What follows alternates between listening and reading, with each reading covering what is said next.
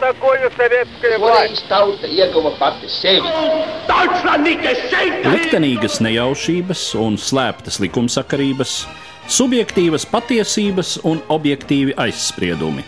Pēc atkušņa nekad nenāk uzreiz pavasars, bet sākās Arī šodien cilvēki ir ļoti tuvredzīgi. Viņi redz to naudu, kas ir. Televīzijā jau pamatā notiek cīņa par varu. Pagātne no šodienas skatu punkta un šodienas caur pagātnes prizmu. Raidījumā šīs dienas acīm. Katru svētdienu Latvijas radio eterā Eduards Liniņš. Labdien, cienījamie klausītāji! Bermuda karaspēka uzbrukums Rīgai 1919. gada oktobrī un Latvijas armijas pretdarbība šim uzbrukumam. Tāds ir mūsu šodienas temats. Mans sarunbiedrs studijā - vēsturnieks Valdis Kusmins. Labdien! Labdien! Par to, kas bija Bermuda armija, politiski kādi spēki aiz tās stāvēja, mēs šodien nerunāsim. Varu pieteikt, ka tam būs veltīts atsevišķs raidījums ciklā Neatkarības karš. Šodien par Bermuda armijas uzbrukuma tīri militārajiem aspektiem. Jāsāk ar to, kā tad šis spēks izveidojās, kādas bija tās vienības, no kurām sastāvēja, un kas tās arī apgādāja ar visu karam nepieciešamo. Oficiālais nosaukums šim bruņotajam formējam bija Rietumkrievijas atbrīvošanas armija. Formēties viņi sāka 1919. gada jūnijā, kad pirmās, sauksim viņas par Krievu vienībām, ieradās Jelgavas apkārtnē, un tās tika formētas no tiem Krievu karavīriem, kas tika atbrīvoti no kara gūstekņu nometnēm Vācijā, Pirmā pasaules kara laikā gūstā kritušie Krievu karavīri. Un formāli viņu uzdevums bija cīņa pret lielniekiem, cīņa pret padomju Krieviju, palīdzība jau esošajiem spēkiem, kas cīnījās pret padomju Krieviju. Šajā gadījumā mēs varam runāt par Judeniča spēkiem Igaunijas armijas sastāvā Ziemeļigaunijā, kas jau faktiski bija sākuši vairākus uzbrukumus Petrogradas virzienā. Un visa vasara faktiski pagāja dažādos veidos. Judeniča mēģināt pierunāt, vai pareizāk sakot, pavēlēt Bermuda Vālo karaspēku. Bermuda Vālo komandētā vienība saucās Grāfa Kellera korpus. Grāfs Kellers bija viens no pirmajiem tā sauktās Baltās kustības virsniekiem, kas bija krituši Ziemeļrietumu Krievijā. Faktiski, ja mēs runājam par šo sastāvu un notikumiem 1919. gada vasarā, ir stāsts par Rīdigeru Fondera Golca, 6. rezerves korpusa komandiera plāniem, kā izmantot šo vienību, lai īstenotu savas ambīcijas. Vienkāršoti var teikt, mēģināt pagriezt vēstures ratu atpakaļ.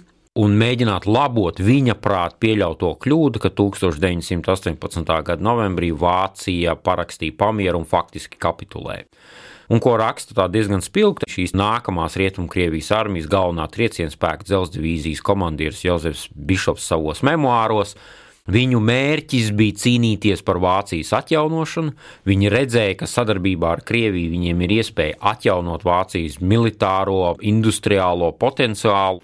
Ja pirmā daļa tātad grāfa Kellera korpus, kas bija skaitliski vismazākā, tad galvenais trieciena spēks dzelzceļa divīzija, trīs kājnieku pulka sastāvā, un trešā daļa bija tā saucamais Vācu leģions, ko komandēja Vācu jūras kapteinis Zīvers. Un tās bija vienības, kuras Latvijā sāk ierasties 1919. gada pavasarī, maijā, jūnijā.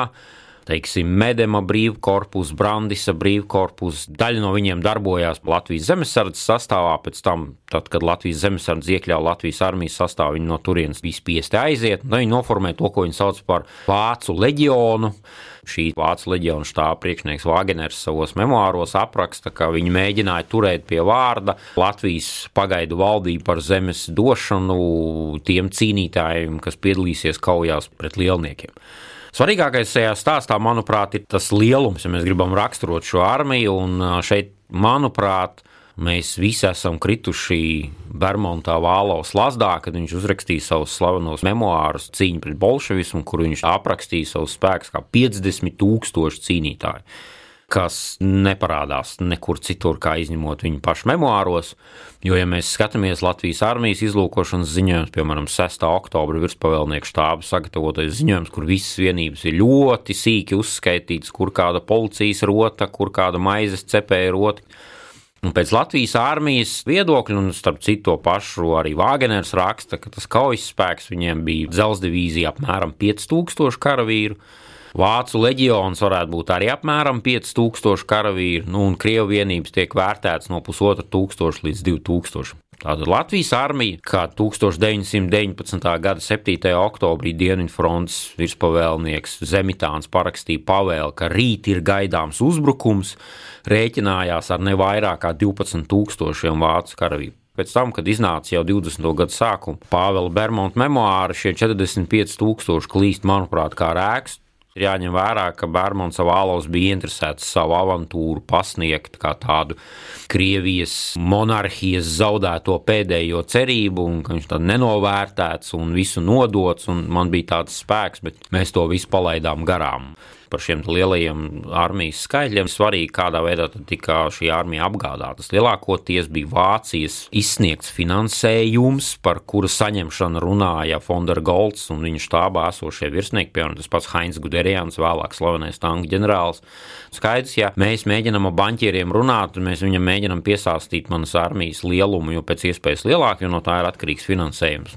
Kā nonāk līdz tam, ka sākas šis uzbrukums Rīgai 1919. 19. gada 8. oktobrī, jo līdz tam ir pat tādi Antantes pārstāvju, teiksim, diriģēti mēģinājumi apvienot visus spēkus vienā pretbolševistiskā frontē, kur arī Bermontam būtu sava vieta, un viņam tā kā bija jāvirzās uz Daugaupili. 26. augustā Jālgavā notika liela sapulce, kur visas ieinteresētās puses tika piesaistīts, bet Pāvela Bermonta uzstādītās prasības no Latvijas valdības puses ir faktiski neīstenojamas. Atsevišķi frontes iecirknis, dzelzceļa līnija pilnīgā viņa pakļautībā, ko Latvijas valdība nekādā veidā nevarēja pieņemt. Augusta beigās jau tiek izdota pavēle, kur Latvijas armija paziņo, ka tie ir vācu spēki. Pirms tam jau 23. augustā dzelzceļa divīzija Josifs Bišovs izdot pavēli, ka viņi faktiski atsakās no evakuācijas uz Vāciju, kā to prasa vienošanās starp Antanti un Vācijas valdību. 21. septembrī tiek noslēgts slepens līgums starp Fonderu Golds un Pāvelu Bermontu par šo vācu vienību pāriešanu. Un diskusija arī vācu virsnieku starpā bija, vai vajag pāriet vai nevajag pāriet. Pārējot tā sauktajā Rietumkrievijas armijā, kā mainīsies mūsu apgādes status, kā mainīsies mūsu juridiskais status. Finālā 5. oktobrī Bišops savā pavēlē raksta, ka Antante no mums ir pieprasījusi izdarīt to pašu, ko mums piespieda izdarīt 1918. gada novembrī. Mēs šo kļūdu vēlreiz nepieļausim, un visi virsnieki to bija sagaidījuši ar, ar, ar ovācijām un sajūsmu. Un, ja mēs skatāmies uz šo uzbrukumu plānu, tad savā ziņā viņš varētu būt no vienas puses avantūra, no otras puses, ja Pāvela Bermonta armija būtu ieņēmusi Rīgu, bet visu Rīgu, ne tikai pārdaugavu, tad rietumu sabiedrotiem nekas neatlikt, kā rēķināties ar šo spēku un sākt ar viņiem runāt parādīt, ka Latvijas armija kaujas nespējīga un Pāvila Bermonta armija tā ir tas atbalsts cīņai pret lieliniekiem. Tajā brīdī, kad um, tiek plānots šis uzbrukums, un uh, arī, kad tas sākas, Bermonta mērķis jau ir virzīties tālāk uz ziemeļiem. Iespējams, arī likvidējot ne tikai Latvijas republiku, bet arī Igaunijas republiku. Es neesmu redzējis nevienu dokumentu vai atmiņas, kur būtu tālāk par pārdagos ieņemšanu. Pats Bišops šo visu pasākumu sauc par Torņkalna kauju. Nav vispār nekādas norādes, ko mēs darām tālāk, kāds ir tas gala mērķis, Bišops norāda, ka viņi bija norūpējušies, ka Latvijas armija kopā ar Igaunijas armiju gatavo uzbrukumu Jelgavai. To var arī novelt uz tādu memoāru literatūru un mēģināt attaisnot savu uzbrukumu, bet pilnīgi skaidrs ir tas, ko darīt tālāk pēc Rīgas, nav noprotams nekur. Ja mēs aizsteidzamies notikumiem priekšā, kāpēc šis pasākums nebija sevišķi sekmīgs, Pāvils Bermons, lai ko par viņu aprakstītu memoāros, cik viņš bija tāds iznesīgs, bet tāds liels karaspēku vienību vadības īsti viņam nevedās. Attiecīgi Latvijas armijas un uh, Latvijas valdības rīcība šajā situācijā. Šajā brīdī mums jau ir Latvijas armija. Tātad 1919. gada 10. jūlijā izveidot, apvienojot tā saucamos ziemeļnieks un dienvidnieks, armijas virspavēlnieks Dārvids Simonsons, kas iesaistās ar šo pašu 10. jūlija pavēli. Divas frontes, austrumu fronte pret lielniekiem, nosacītā gar Aiviekstes upes līniju, un rietumu fronte pret Jelgavu vērstā, kur Latvijas armijas vienības atrodas apmēram tajās pozīcijās, kādas ieņēma Krievijas armija Pirmā pasaules kara laikā. Latvijas armija sāka veidot trīs divīzijas, un Rīgas apkārtnē formējās trešā Latvijas divīzija no trijiem kājnieku pulkiem - 7. Sigūds, 8. Daugopils, 9. Rēzeknis. Bet, ja mēs skatāmies uz šīm kaujām tālāk, tad redzams tāds godīgs, sirsnīgs, kārtīgs latviešu bardaks. Piemēram, 7. Sigūdas kājnieku pulks vienu rotu aizsūta uz Vēnspili, bataljons aizbrauc uz Liepāju. 8. Daugopils kājnieku pulks tiklīdz kā tiek saformēts, divas trešdaļas no viņa pilda policijas dienestu Rīgā. Tātad katrā policijas iecirknī ir pa vienai kājnieku rotai, kas tā vietā, lai apmācītos un gatavotos kara darbībai, dara tieši neko. Pusotra rota ir aizsūtīta uz vidzemi ķert sarkanos partizāņus ar mainīgām sekmēm. Šauteņa nav, dažādi tipi ieroči. Ļoti daudz virsnieku, kas ir pārnākuši no padomju Latvijas armijas. Kā viņi savā starpā vienojās, kur viens pret otru viņi karoja faktiski. Un tagad pēkšņi viņi ir vienā vienībā ir redzams, ka viņi zināja, ka Rietumkrievijas armija uzbruks. Uzbrukums nebija pārsteidzošs nekādā veidā un formā.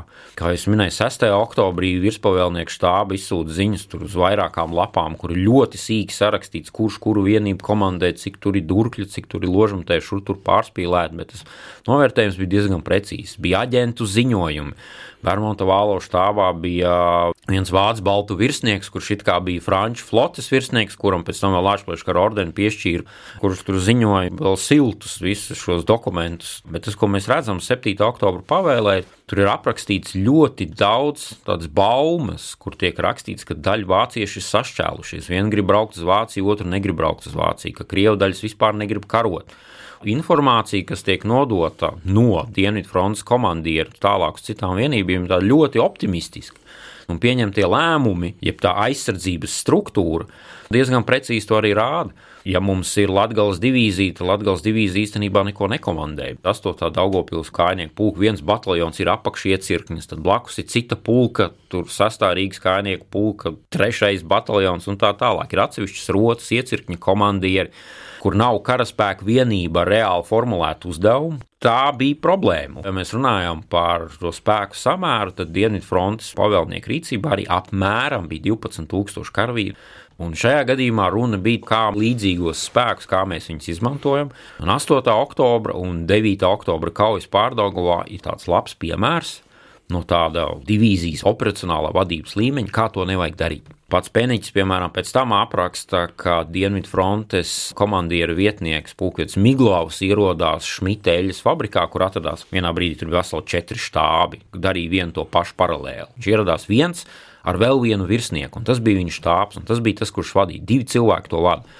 Jau 16. gadsimtā tā karaspēka vienības nevadīja 10 000 plus karaspēka vienības, un tas noteikti nav pulkvedis ar vienu palīgu. Nekas labs tur nevarēja sanākt tad droši vien ir skaidrs, kāpēc sākotnēji tiešām šim uzbrukumam ir panākumi. Un sākot uzbrukumu 8. oktobrī, tad līdz 10. oktobrim pārdaugava ir ieņemta. Kā zināms, Zemitāns dod pavēli atkāpties līdz pozīcijām aiz Rīgas, tātad eh, Juglas līnijā, kas tomēr tā nenotiek, un eh, fronte gal galā paliek pie Daugavas tiltiem pa vidu Rīgai. Ir apraksts gan sastāvīgs kājnieku pulku vēsturē, gan oriģināla materiālos, kā virsnieki naktī no 9. uz 10. oktobri nejauši satiekas Vejas Miglaus tilta galā pāris vīri, Un sarunas rezultātā konstatē, ka tur īsti nevajadzētu atkāpties. Tu lasi cauri šiem dokumentiem un saproti, ka kaut kas tur nav kārtībā. Tā tam nevajadzētu notikt. Un iemesls, kādēļ atkāpās, bija tas, ka nebija skaidrs, kur atrodas savas vienības, nebija skaidrs, kur atrodas ienaidnieki vienības. Var lasīt 6. Rīgas kājnieku pulku 3. bataljona rotu komandieru ziņojumu pēc kaujas, kur, piemēram, 10. rotas komandieris raksta, ka 11. rotas komandieris aizbēga no kaujas lauka, savukārt 11. rotas komandieris raksta, ka 10. rotas komandieris aizbēga no kaujas lauka. Bija rotu komandieri, kas ņēma iniciatīvu savās rokās. Tie bija virsnieki ar milzīgu kaujas pieredzi no Pirmā pasaules kara bija instruktora milzīga kaujas pieredze, tur kaprāļi, seržanti, kas bija sākuši karot 1914. gadā, saņēmuši visus iedomājamos apbalvojumus un ievainojumus. Viņi šādā situācijā jau bija bijuši, kur neviens nezina, kas notiek, kur ir atkāpšanās, kur ir hauss. Mēs varam lasīt Krievijas armijas dalību Pirmajā pasaules karā 14. un 15. gads. Viss jau bija redzams. Ņēma iniciatīvu savās rokās, darīja, kā uzskatīja par nepieciešamu, cēlās pāri Daugoju ar līkumu, gāja uz Torņkalnu, lai iesaistītos atkal un šeit neskaitām piemēri kad tiek pieņemts lēmums. Un Zemitāns, kad izdeva šo pavēlu, viņš vienkārši nezināja, kas notiek. Un viņš nolēma pilsētu vidē kaujas darbība arī mūsdienās ir viens no sarežģītākajiem kaujas darbības veidiem, un viņa lēmums bija vienkārši atkāpjamies tur, kur mēs varam turēties, jūglas pozīcijas. Šo lēmumu atcēla armijas virspavēlnieks Dārvids Simonsons, un ir jautājums, kas man personīgi nav skaidrs, uz kā pamata viņš atcēla šo pavēlu. Es domāju, ka tā pavēles atcelšana arī bija balstīta uz pieredzi, kā rīkoties šādā situācijā, kur savukārt tas bija tāds apzināts risks paliekam uz Dāngovas pozīcijas, ieņemam tilta galus, turamies šeit un redzēsim, kas pēc tam tālāk notiks. Palīgi spēki ieradās katru brīdi no 4. valmieras kājnieku pulka. Viņi paliek ar vien vairāk un vairāk dažādu rezerves bataljonu. Bruņotie automobīļi piedalās kaujās. Lai raksturotu šo situāciju, piemēram, 9. reizeknas kājnieku pulka komandieris 10. oktobrī viņš grasījās uzbrukt. Viņam bija totāls pārsteigums, kāpēc mums pēkšņi ir jāatkāpjas. Bermonta armija nevirzās tālāk par tiltiem. Viens no iemesliem, kas ir tāds interesants, ko redzēt arī no dokumentiem, ir tas, ka jau 11. oktobrī Bērmonta vadība un arī dzelzceļa vadība ir norūpējusies par to, kas notiek tālāk gar Daugavas upi austrumu virzienā. Gan pie Jaunjēlgavas, gan Sēlijā pie viesītes sāk notikt pirmās kaujas, kurā Latvijas armijas vienības iesaistās ar šīm Bermuda armijas vienībām, kur uzdevums bija sektu labo flangu un kreiso flangu. Un viņu pārliecībā ir, ka Latvijas armija, kā arī Igaunijas armija, gatavo pretuzbrukumu, ka viņi varētu celties pāri Dāngavai pie Jaunjēlgavas un uzbrukt Jālgavas virzienā. Un sākot jau no 11. oktobra notiek Bermuda armijas spēku pārgrupēšanu uz austrumiem. Brandisā brīvkorpus, kas bija pirms tam ieņēmis Dolas salu, Dolas salu atstāja, pārceļās pāri pie ķekavas un skaistās kolonnās, kuras varēja redzēt no gaisa, un kur arī Latvijas armijas lidmašīnas, kas šajā brīdī lido arī ziņoja, kolonu virzienā no ķekavas atkāpjas dienvidu virzienā un kaut kur aiziet tālumā. 30% no Bermuda armijas kaujas sastāvā dodas uz Jaunjēlgavu. Latvijas armijas vienības šajā brīdī sāka organizēt izlūku uzbrukumus gan pie Dolas salas, gan arī pie Ikšķils, pie Nāves salas pārceļās, 4. Valmieras kājnieku pulku vienības, un ne tikai pārceļās pāri Daugavai, bet ieņem Baldoni. Un Latvijas armijas virspavēlnieks štābs 12. oktobrī uzraksta ļoti lielu informācijas kopsavilkumu, kur apakšā ir rakstīts slēdziens. Pērmonta armijas vienības no Rīgas atkāpjas, un ir gaidāms, ka rīt, vēlākais parīt, Pārdagovā nebūs nekādas vācu vienības.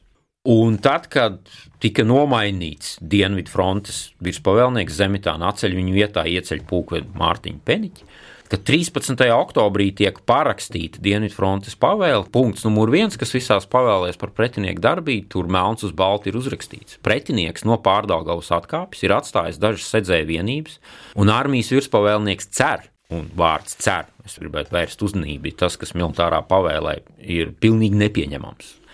Ka Rīga tuvākajā laikā tiks pilnīgi atstāta, un izējot no šāda pieņēmuma, pavēlēt tālāk sako uzdevumu vienībām, kur tiek paredzēts uzbrukt 14. oktobra 4.30 no rīta ar mērķi ieņemt visas tās pašas pozīcijas, kuras tika zaudētas 8. oktobra vakarā. Mūsu vēstures literatūrā un visur citur šis uzbrukums tiek nodēvēts par uzmanības novēršanas uzbrukumu, viltus uzbrukums, māņu uzbrukums, demonstratīvs uzbrukums. Paņemam mēs šo pavēlu un izlasām, tur nav neviena vārda ne par māņu, ne par demonstrāciju. Ir ļoti loģiski domu gaita, kas bija, nu, diemžēl, bija balstīta uz nepareizu izlūku informācijas novērtējumu, ka vācieši atkāpjas, bet mērķis bija uzbrukt pāri Daugavai un ieņemt visu to, ko mēs zaudējām 8. oktobra rītā. Kas arī izskaidro to, ka 14. oktobra uzbrukums notiek plašā frontē, gan pāri Daugavas tiltiem, gan desantējoties uz dienvidiem no tiltiem jā, un pat ieņemot kalnu kapiem. Jā. Jā. Gan ziemeļos, tātad Daugaugrīva, Bolderāja. Daugaugrība bolderēja 24 stundas vēlāk, un tas ir arī diezgan svarīgi, lai saprastu šo notikumu tālāko secību. 13. oktobra pavēlē Daugaugrīva nav galvenais uzbrukuma virziens. Tur 9. Reizeknas kājnieku pulkam ir tā ir uzdevums. Ja notiks uzbrukums sekmīgs pāri Daugavas tiltiem un tālāk uz dienvidiem pie Katlakalnu un Jumprau muižas, tad uh, mēģināt ieņemt Daugaugrīvu, ja būs sekmīgs. Sākotnēji tāda uzbruka divi labais spārns, kreisais spārns, labais spārns, Latgals divīzija Krišjāņa Berķa vadībā, 7. Sigūdas kājnieku pulks uzbruka pār Rīgas tiltiem, pār koka tiltu un jauno dzelzceļa tiltu. Vecais dzelzceļa tilts ir izgriezts un nav vairāk izgriežams apakaļ, nav izmantojams. Un kreisais grupējums ir vidzemes divīzija, un šeit uzbrūk 6. kājnieku puika un 5. kājnieku puika vienības, un tur vēl liepājas karaskola un dažādi ceļās pāri Daugavai. Septiņās laiviņās airējot ar dēļiem, kā viņi to ir aprakstījuši, un kas bija savā ziņā diezgan sekmīgi. Septītā Sigūdas kājnieku pulka uzbrukums ir nesekmīgs, atbalstīja viņas bruņmašīnas, kas pārbrauc pāri koku tiltam. Pretējā pusē tika noņemti, kā aprakstīts, šķidrī dzeloņrāžu aizžogojumi, pāri pāriet tikai viena rota, un otrā pusē nu, nav īsti skaidrs, cik viņi tālu tikuši vai paliek vispār uz tilta gala. Tur bija dažādas mājiņas, šķūnīši šajā pusē, un sākās cīņa, kas pēc tam, kad viena no bruņmašīnām tiek smagi ievainots šoferis un tiek bojāti divi ložmetēji, bruņmašīna atkāpjas. Un līdz ar to kājnieki redz, ka bruņmašīna apkāpjas, un viņa seko arī 3. un 4. rota, un pēc tam 1. rota ar tādiem relatīvi viegliem zaudējumiem, salīdzinoši priekš situācijas, spiest atkāpties. Uzbrukums ir bijis sekmīgs pie Katla kalna kapiem, kur viņš arī apstājas. Tas tā diezgan viegli izskaidrojams. Visi tie, kas šodien agrā rīta stundā no Bauskas puses brauktam, mēģina apbraukt tā saucamo balošu sastrēgumu, visi tur gar šiem katla kalnu kapiem brauc, var pastīties pa labi, pa kreisi, šī pļava izskatās šodien tieši tāpat. Kā viņi izskatījās 1919. oktobrī, apmēram pusotru kilometru gara pārplūdusi pļava bet tā ne pa jokam pārplūst. Tad īsta paliena, kur pa vidu ir apmēram vietām ir 4-5 metri plata upe. Rāmenhofā, jeb Rāmas mūžā, kā tagad tur pietikt ar vienu ložmetēju, lai šo visu šķērsošanu padarītu faktiski neiespējamu. Pēc tam, kad uzbrukums neizdodas, īpaši nekādas lielas izmaiņas nenotiek. 14. oktobra vakarā tiek izdota nākamā pavēle, kur ir ļoti īsa. 13. oktobra pavēle paliek spēkā. Tikai tagad 7. Sigūdas kājnieku pulka vietā pār tiltiem uzbruks 8. Daugopils kājnieku pulks, bet uzdevums paliek tas pats. Dzilnas, tagadējā Piņķu baznīca, Vidzemes divīzija bija jāsasniedz Jelgavas šoseja pie stūrīšu mājām. Ļoti ambiciozi plāni. Savukārt 9. Reizeknas kājnieku pulkam bija jāceļās uz Daugogrīvu, un šoreiz jau, lai gan pavēlē tas nav minēts, mēģinot izmantot rietumu sabiedroto kuģu atbalstu. Šogad mēs svinam Latvijas neatkarības kara simtgadi, un tas simbols kas tiek izmantots aizsardzības ministrijas nozīme, ir šīs dzelzceļa uzbrukums, kas ir ņemts no brīvības pieminiekļa ciļņa. Latvijas armijas karavīri iet triecienā pāri dzelzceļa tiltam, 8. Daugopils kājnieku pulka, 3. bataljona trieciena grupa 4.00 dodas pāri dzelzceļa tiltam kas ir Latvijas armijas vislielākā sakāve visas Latvijas armijas pastāvēšanas vēsturē, visasiņainākā. Tie ir vislielākie zaudējumi. Tātad 6 krituši un 47 bezvēsts pazuduši nepilnās 4 stundās. Tik liela zaudējuma Latvijas armijai ne līdz tam, ne pēc tam vairāk nekad nebija. Krišāns Bērķis publicēja savu aprakstu militārā apskatā 30. gados, kur raksta, mums bija jāieņem Jālgaus priekšpilsēta, tur, kur tagad Nacionālās bibliotekas apkārtne. Ja tas sekmēs, tad jāuzbruk Torņkalnu virzienā. Tā bija pašnāvnieka misija. Marisa Vētras atmiņas, kurš bija 8. Daugopils kānieku pulka karavīrs, kur viņš apraksta, ar kādām sajūtām karavīri dziedādām divdūņas devās uz šo pašnāvnieku misiju. Viss šis plāns tika sastādīts, ka viņi pāriet pāri tiltam, izšauja divas baltas raķetes, pāri tiltam brauks Igaunijas bruņotie vilcieni, pa kuriem galīgi nebija droši, vai tiešām viņi brauks. Jo Igaunijas valdība bija uzstādījusi diezgan neizpildāmas prasības Latvijas valdībai, un finālā bruņotie vilcieni tā arī aizbrauc prom nepiedalījušies, izņemot artērijas atbalstu uguni. Un pēc tam virzās pārējie 8. Daugopils kānieku pulku vienības pāri šim tiltam. Pāri dzelzceļa tiltam uzbruka tātad ņēma 3. bataljona apmācītos karavīrus, apmēram 100 cilvēkus. Komandēja šo grupu virsleitnants Miķelsons. Pāri koku tiltam uzbruka Kreišmaņa grupa, divu rotu sastāvā, otrā un trešā rota. Un tātad pāri tiltiem Tā arī viņi naktī devās un atgriezās no viņiem atpakaļ tikai viena trešdaļa, daži krita gūstā. Plāns bija, ka viņi nostiprinās pie caurbrauktuvēm. Tilta galos viņi paliek, un tilta galos faktiski šo vienību arī iznīcina. Tiek izšauts divas baltas raķetes, bet nekāda palīdzība nenāk. Un kapteinis Miķelsons sūtīja ziņnešus, ko darīt tālāk, kur ir šie papildspēki. Ziņneši pa ceļam tiek nogalināti, cauri tiek tikai karavīrs Skābārdis, kurš pēc tam saņem pavēli, ka jāatkāpjas un arī aiznes šo pavēli atpakaļ. Un tad šī vienība ar ļoti smagiem zaudējumiem no šī tilta arī atkāpjas. Zelsa divīzijas komandieris Bišops šo uzbrukumu pār tiltu piemin vienā teikumā. Zelsa divīzija nekādā veidā nereaģēja uz šo uzbrukumu kas bija daudz sekmīgāks, ja mēs runājam tādās kā maldinošs, jeb rezerviju piesaistošs uzbrukums, bija Katla kalna kapos. Pie Rudzumojušas notika uzbrukums, tur bija liels pretrieciens, kur arī dzelzceļa izmantoja savu rezervi jēgeru bataljonu, kas arī aizgāja no pārdaugovas uz dienvidiem uz Katla kalnu. Ar smagiem zaudējumiem kaujās tur piedalījās vēl visu 15. oktobri. Šis bija tā maldinošā daļa. Uzbrukums pār Rīgas tiltiem neko nemaldināja. Tur gāja nāvē Vācu baltietis Otto Teits, vada komandieris, kas savu karjeru neatkarības karā sāka kā Landesvēra virsnieks, un kurš pēc tam tikai bija pārgājis Latvijas armijas sastāvā.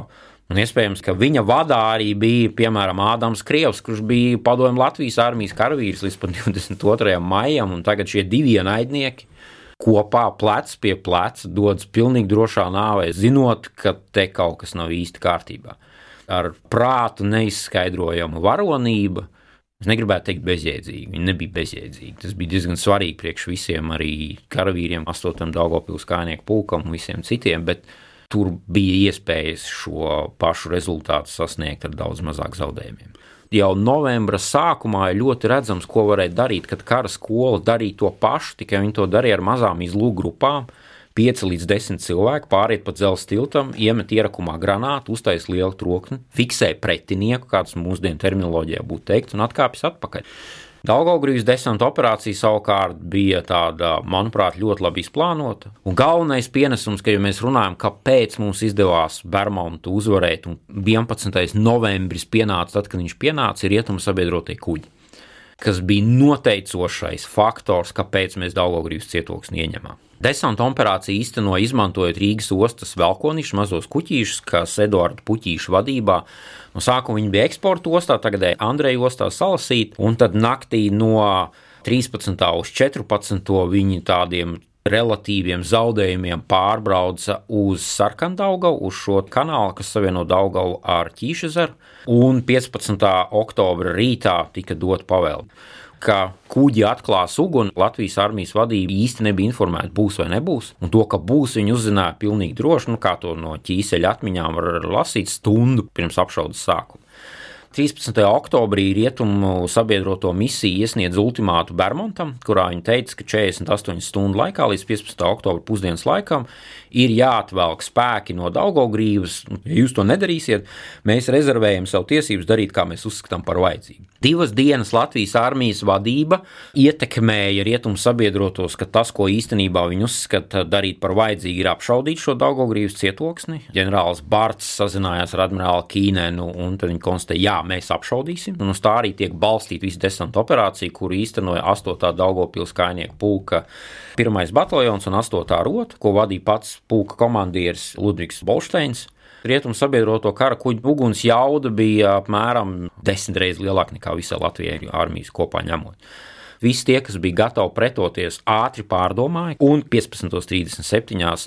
sabiedroto kuģi dienas grāmatā ir ierakstīts, ka Daugaugrības cietoksnis ir ieņemts, tur tika saņemta gūstā Krievu karavīri, kur bija svēti pārliecināti, ka viņi cīņā pret bolševikiem un noteikti negrib piedalīties cīņā pret rietumu sabiedroto kuģiem, sevišķi šādā lielgabalu jaudā, un viņi padodas gūstā kas norāda, ka diezgan ticam, ka Bermons Vālos nemaz nebija informējis to, ka ir tāds ultimāts saņemts un ka varētu draudēt kādas briesmas.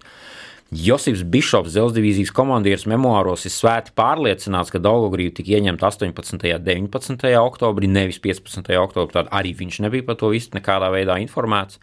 Un Daugaugrīva tiek ieņemta, uz turieni tiek pārviests 8. Daugavpils, kājnieku pulks 7. Sigults, un šī koncentrācija sāks, bet tas kopējais plāns tiek pieņemts un kā šis bardaks mazinās, un šajā gadījumā šim faktoram ir arī vārds uz vārds - Pēters Radziņš, tajā brīdī pulkvedis vēlākais ģenerālis kurš 27. oktobrī tiek iecelts par armijas virspavēlnieku štābu priekšnieku. Un paiet atpakaļ, mums jāpiemina arī, ka Dārvids Simonsons tiek nomainīts un par Latvijas armijas komandieru kļūst ģenerālis Jānis Balodis. Pēters Raziņš, ja mēs lasām viņa memoārus, viņš bija ļoti pieredzējis štāba virsnieks, un tad veids, kā viņš plānoja, kaut vai kā pavēles izskatās, kas tur tiek rakstīts, kas būtiski atšķirās no tām pavēlēm, kuras Latvijas armijas vienības saņēma vēl divas nedēļas atpakaļ. Te jau ir redzams karaspēka vienības, te ir redzams uzdevums, te ir redzams komandiera nodoms, te ir redzams gala rezultāts, te ir redzams tālākie soļi, ko mēs darīsim, ja A vai B vai C. Un arī visa šī darbība, sakari, komunikācija, tas ir acīm redzams, ka šeit viss tiek salikts tā, kā tam ir jābūt, atšķirībā no 8. oktobra, un tas rezultāts arī tāds bija, kā bija. Pulkvedis Radziņš pirms tam bija guvis ļoti nopietnu kara pieredzi gan Pirmajā pasaules karā, gan cīnoties Ukrainas Nacionālās armijas sastāvā pret dažādiem pretiniekiem, pamatā bolševikiem. Par to, kā tad šī darbība risinājās tālāk un kas notika sākot ar novembri un kā mēs nonācām līdz 11. novembrim. Tam mēs veltīsim vēl vienu atsevišķu sarunu, bet par šo raidījumu es saku paldies manam sarunbiedram, vēsturniekam Valdim Kusminam. Katru svētdienu Latvijas radio viens par pagātni sarunājas Eduards Liniņš.